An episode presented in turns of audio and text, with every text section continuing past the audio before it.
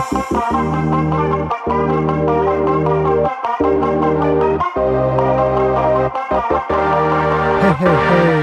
to Hot Tea Fantasy Podcast. За манайха юу байцгаана? Бүгдэнд нь шинэ 7 хоногийн минь төргий. За тэгээ өнөөдөр мэдээж 12 сарын 14-ний өдөр Монголд одоо хөл өрөө суларч олон хүмүүсээс ажил төрөлдөө явж амьдрал үргэлжлэж явах шиг байна. За тэгээд бүгдээрээ маска зүгээд аль болох хүн амьтнаас хол байж тэ өөрийгөө болон хайртай хүмүүсээс хамгаалаарай гэж хүсэж байна. За тэгээ өнөөдрийн дугаараар болохоор уул нь бол фэнтезигийн слипер буюу одоо дутан үнэлэгдэж байгаа болон өндрөөр үнэлэгдэж байгаа тамирчдыг хоёр дугаар тус тус нь хий гэж бодож исэн. Тэгээд өнөөдрийн дугаараар бол тэрийг гаргая гэж бодож исэн боловч за тэгээ мэдээж олон хүмүүс над руу фэнтези эхэлсэн, драфт эхэлсэн учраас драфтын зөвлөгөө асуултуудыг бол нэлээд олон ирүүлж байна. За тэгээд аль болох чадхаараа бүгдэнд нь хариулж байгаа шүү. Тэгээд энэ удаагийн дугаараар болохоор фэнтези драфтад суурилсан юм зөвлөгөө өгч байна. Тэгээд энэ болохоор гадны ганц хоёр сайтаас бас унссан мэдээлэлээ гол нь болохоор өөрийнхөө одоо хийдэг одоо тактик, өөрийн одоо баримтлагдаг зарчмуудыг одоо энэ удаагийн дугаараар та бүхэндээс хүргэе гэж бодсон. За тэгээд аль болох бас сонирхолтой зөв зарчим байгаа байх гэж бодож байна. Тэгээд би бас фэнтези 5 6 жил тоглож байгаа учраас бас одоо туршлага хувьдлуулсан зүйлүүдээ та бүхэнд бас бүгдэнд нь хэлье гэж бодож байна. За тэгээд шууд дугаарлага орё.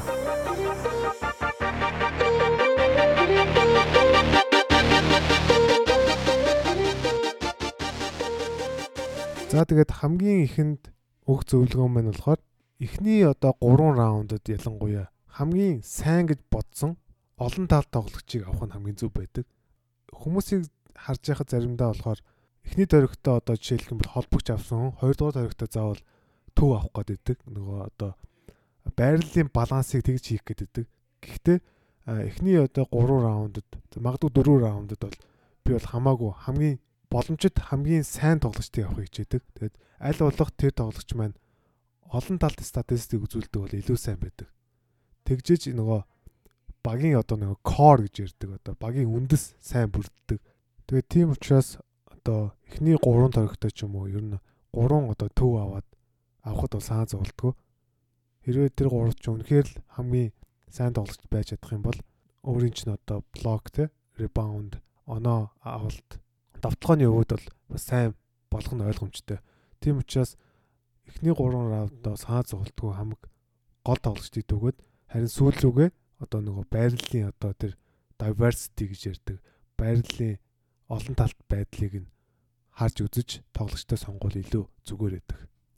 За хоёрт нь болохоор миний бас нэг баримтлаг зарчим болохоор аль болох гимтэлтэй болон гимтлийн түүхтэй тоглогчныг аваад хэрэггүй байдаг одоо гимтлийн төвхтэй гэхээр одоо жишээлх юм бол дээгүүр сонголтонд одоо Кайри байна те а KD байна, Kawhi байна, Embiid байна, Porzingis байна гэдэг ч юм уу. Ингээд олон ийм одоо гимтлийн түүхтэй ийм тоглогч нар нэгт бол мэдээж гимтэх нь амархан, хоёрт бол нөгөө load management буюу одоо тоглолт амрах явдал амих болчдөг. Ялангуяа одоо Embiid Кавай хоёрын хувьд болохоор одоо load management-ээр алдартай болсон шүү дээ. А back to back тоглолтууд дээр болохоор дандаа амардаг те. Энэ үйлрэл болохоор олон хоёр тоглолттой. Тэгээд үйлрэл арай эрт дуусхийг хүсэж байгаа учраас тэр тоглолтуудад нэлээд шахаж байгаа лигийн зүгээс. Тийм учраас back to back тоглолт өмнөх жилийнхээс арай ихсэн гэж одоо үзэж байгаа юм байна лээ. Тэгэхээр аль болох back to back амардггүй те. А тийм injury prone гэж ярьдаг одоо гимтлийн түүхгүй ийм одоо тоглогчдыг авах юм бол магадгүй одоо Embiid, Kawhi эдэр бол яг одоо нэг тоглолтын одоо статик одоо per game basis гэж ярьдаг. Нэг тоглолтын үзүүлэлтээр бол үнэхээр мундаг штэ. Лигийн баг эхний 5-д орохоор тий. Гэхдээ тухайн тоглогч нар load management-ийг амраад байхаар тэр нь одоо их сөрөг тал болдог. Тийм учраас аль болох амардаггүй, гинтлийн түүхгүй ийм одоо тоглогчдыг цуглуулах юм бол тухайн тоглолт тухайн одоо таны багч нь өөрөө маш тийм нөгөө бат бөх амардаггүй те тийм одоо байнгын үзүүлэлтүүдэд байнгын өгдөг ийм одоо баг болдог. Тийм учраас аль болох хөгшин болон одоо гэмтдэг тоглогчныг аваад ирнэ дими гэж үзэж байна. Тий. Гэхдээ яг хөө мэдээж багт одоо 13 тоглогч авдагаас эрсдэл үрээтэй одоо 1 2 ч юм авахд бол буруудахгүй. Гэхдээ одоо 3 4 5 ингээ авч авчгаар тэр багч нь одоо маш эрсдэлтэй баг болж хувирдаг байгаа. За дараагийн буюу 3-т нь болохоор аль болох одоо олон позишнтэй хүмүүсийг авбал зүгээр гэдэг. Ягаад гэх юм бол одоо фэнтези лиг ч юм болохоор одоо позишн позишнаар одоо ингэж гараагаа өрдөг штэ тий. Тийм учраас одоо PG, SG, SF, PF, center гэж. Тэгэхээр одоо аль болох одоо нэг тоглогч одоо 3 дээдл нь 4 одоо байрал дээр тоглох чадвартай учраас одоо яах угаас ч юм уу тухайн байрлалуудыг одоо ингээ өгцөн байдаг шүү дээ. Тэгэхээр олон байралтай байх тусмаа одоо таны багч нь одоо илүү одоо diverse болж ирдэг. Одоо жишээлх юм бол LeBron James-ийн хувьд болохоор хамгийн одоо гол том жишээ шүү дээ. Жишээлх юм бол PG, SG, SF гэдэг одоо гурван байрал дээр бичигдсэн байгаа. Тийм учраас заримдаа одоо ингээ байрал давхцаад ч юм уу ингээ тоглогч нарыг одоо суулгахаас аргагүй дүрдэг штэ. Тэр үед болохоор одоо энэ олон байрлалын бичигдсэн те олон байрал тоглох чадвартай тамирчид маш давуу тал болж ирдэг. Учир нь болохоор альж байрал руу ингээд шууд өрөөд өрөөд байх боломжтой учраас тийм учраас аль болох доотлол нь одоо хоёр байрлалын буюу одоо PG явах юм бол PGSG гэдэг байрлалтай. Центр авах юм бол PF центр гэдэг ийм одоо хоёр байрлалын хүнийг авал илүү одоо зөв байдаг. Тэг яг ганц байрлалын үнийг авч болно л та гэхдээ тэр нь болохоор сүултээ одоо нөгөө багийн одоо тэнцвэртэй байдал бол алдагдаад сэлгээнд суух магадлал нэлээд өндөр болоод ирдэг. Тийм учраас аль болох олон одоо байрлал дээр бичигдсэн байрлалын тоглогч нарыг одоо авах юм бол сайн байдгаа гэсэн үг. За дөрөвт нь болохоор миний одоо ер нь миний гэлтгөө хамгийн одоо фэнтези драфтын фэнтезигийн чухал стратеги байдаг. Энэ нь болохоор пант буюу одоо зарим статыг одоо хаяад одоо гол статууд дээр одоо төвлөрч гол статуудаа хүчрхжүүлэх маягаар одоо багаа бүрдүүлдэг байгаа. Энэ яадаг вэ гэхээр одоо жишээлх юм бол ер нь бол монголчууд 9 категорид өрсөлдөг шүү дээ тий. Тэгэхээр бүх 9 категоридоо сайн байхыг хичээгээд хэрэггүй. Учир нь тийм баг бүрдүүлэх боломж амар бага байдаг. Хэрвээ одоо 9 бүх 9 категорид сайн баг бүрдүүлэхийн тулд 9 категори авж байгаа харж агаад багаа сонгохоор маш тийм дундаж хэмжээний дунджаас даавар хэмжээний баг болж хувирдаг. Тэгэхээр эсрэг багтайгаа тоглож байхад нөгөө багч ирөө пант хийсэн байх юм бол таныг одоо жишээлбэл 6 3-аар ч юм уу 7 2-оор хожих магадлал өндөртэй болж ирдэг. Ягаад гэх юм бол таны багч өөрөө бүх стат дээр юм дундаж дунджаас доогор учраас тийм учраас одоо пантинг буюу одоо гол статууд дээр төвлөрч бус статуудаа хаях ийм одоо тактик руу одоо сайн тоглодог, сайн фэнтези тоглодог хүмүүс бол их хийдэг пантыг. А миний хувьд болохоор аль болох 6 стат дээр төвлөрөөд 3 статыг хаях зарчмаар ер нь бол гол одоо баримталж явдаг. Яг мэдээж заримдаа 5, заримдаа 6 гэж байна л да мэдээж те.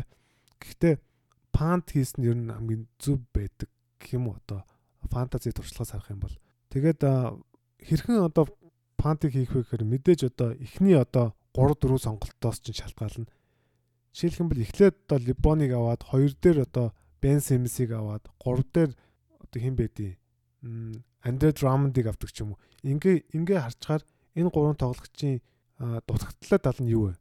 Бүгдээр мэдж байгаа зү тэ. Шидэлттэй гурван шидэлт болон тургуулын шидэлт. Энэ гурав бол маш муу аав. Тийм учраас одоо танаа багч нь хэрвээ энэ гурыг аваад ингээ явж байгаа бол тургуулын шидэлт, гурван шидэлт хоёрыг одоо бүр хаяад дахиж одоо тэр одоо торгуулийн шийдэлт болон гурван шийдэлтээр сайн тамирчин авахаас илүүтэйгээр одоо Бен Симс, Драмонд, Леброн гурийн сайн талууд нь юу лээ?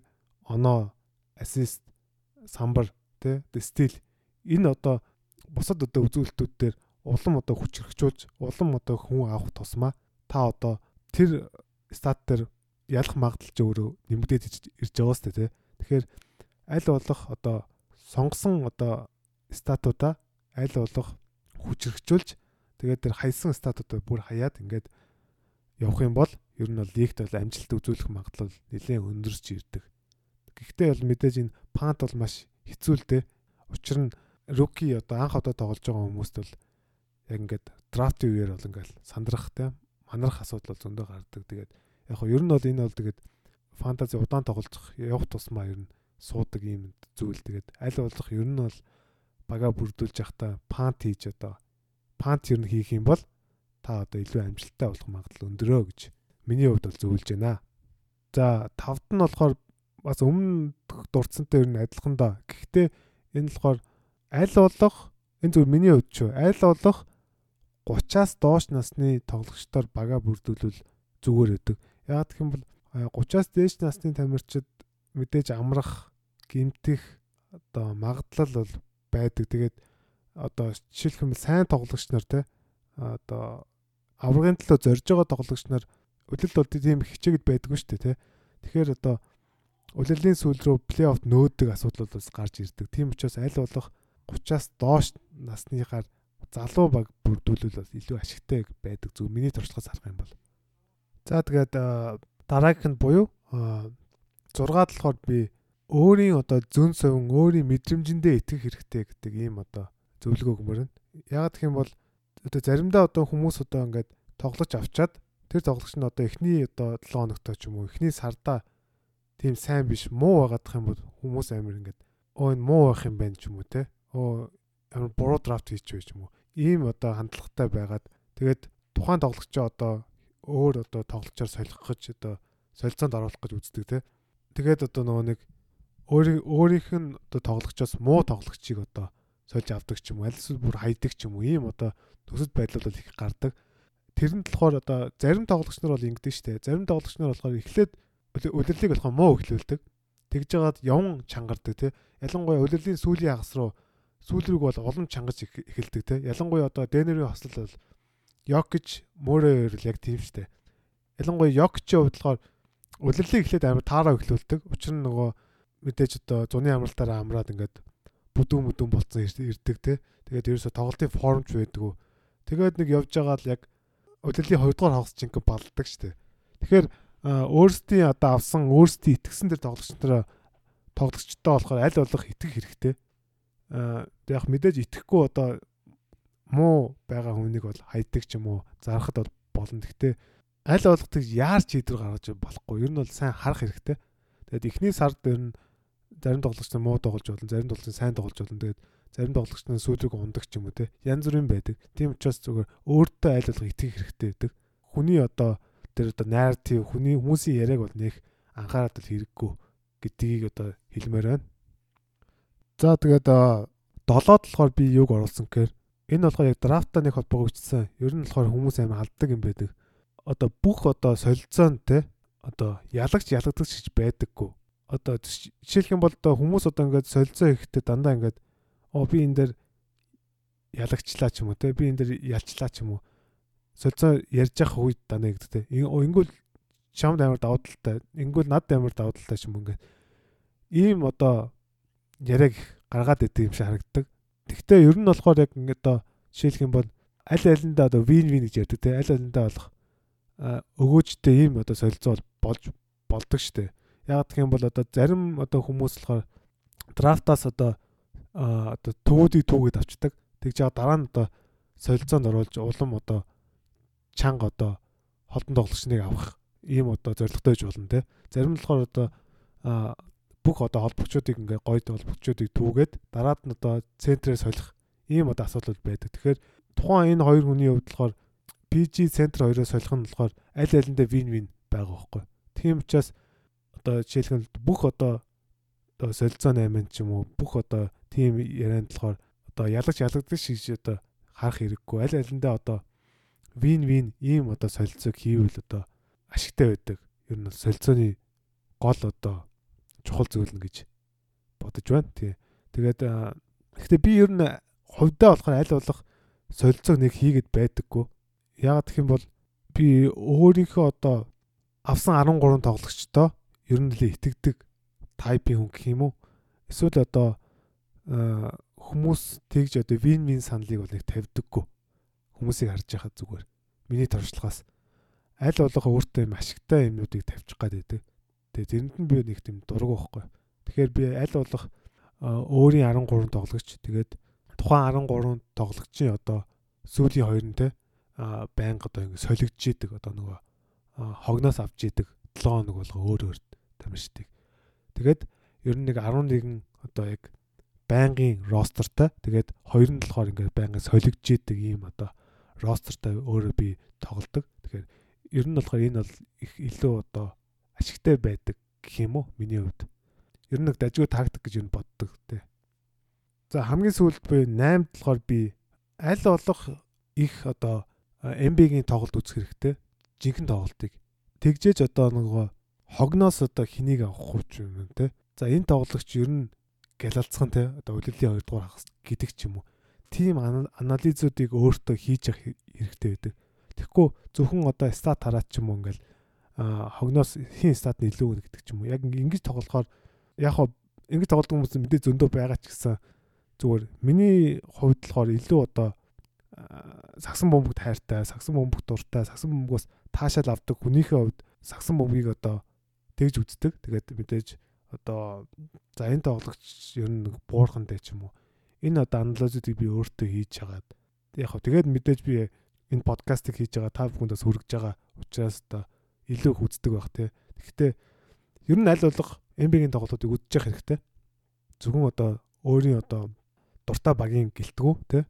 NBA-гийн тоглолтуудыг аль болох илүү үзчихэж фантазид илүү амжилт амжилттай болоход нөлөөлдөг байгаа. Тэгээд одоо хэрвээ жишээлх юм бол фантазид сайн мөртлөө амьдрал дээр одоо тим аим од биш тоглогч нар бол зөндөө байдаг шүү дээ тий.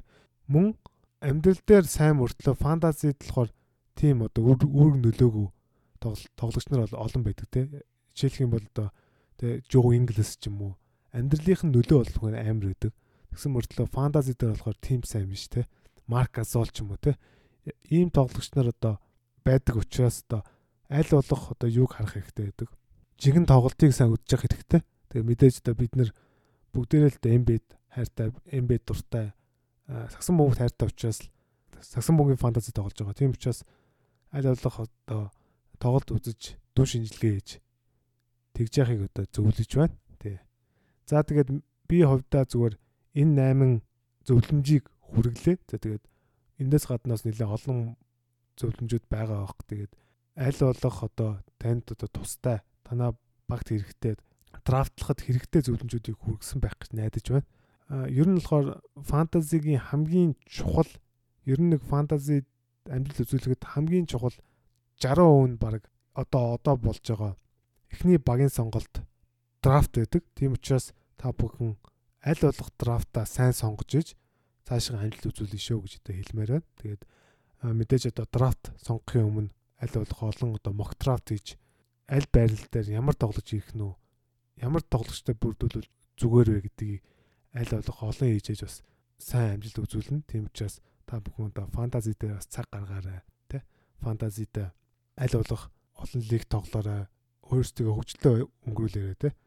За тэгээ нэмээд нэг юм хэлэхэд сүүлийн үед бас одоо энэ Боцотой лиг гэсэн нэрийдлэр лөөр хийж байгаа хүмүүсээс нэлээ харагдсан байна. Тэгээд надраа бас олон хүмүүс ийм маягаар юм битсэн. Тэгээд энэ бол тэгээд ер нь болохоор нэг одоо хянахад одоо өөр хэцүү л дээ тий. Яг гэх юм бол энэ одоо комиссар нь одоо мөнгөний хурааж агаад тэгээд улирлын аврах плей-оффын аврахтаа ингэ тараадаг. Тийм учраас айл олох одоо мэддэг таньдаг тий. Эсвэл одоо уулзж исэн найзуудаараа ч юм уу ийм хүмүүсээр ихтгэлтэй хүмүүстэйгээл цуг тоглол дээр өгдөг. Тэгээд бүр танихгүй одоо фейсбુકийн зураггүй ч юм уу тий. Ийм уул усны зурагтай ч юм уу ийм хүмүүстэй итгэж одоо мөнгө өгч тоглоно гэвэл маш эрсдэлтэй сонголт болно. Тийм учраас та бүхэн бас өөрийнхөө мөнгийг эрсдлөө оруулахгүйгээр те ямар лиг тоглохыгоо бас нэлээд нэхуур хандаж үзэх хэрэгтэй шүү гэж зөвлөмөр байна. Тий.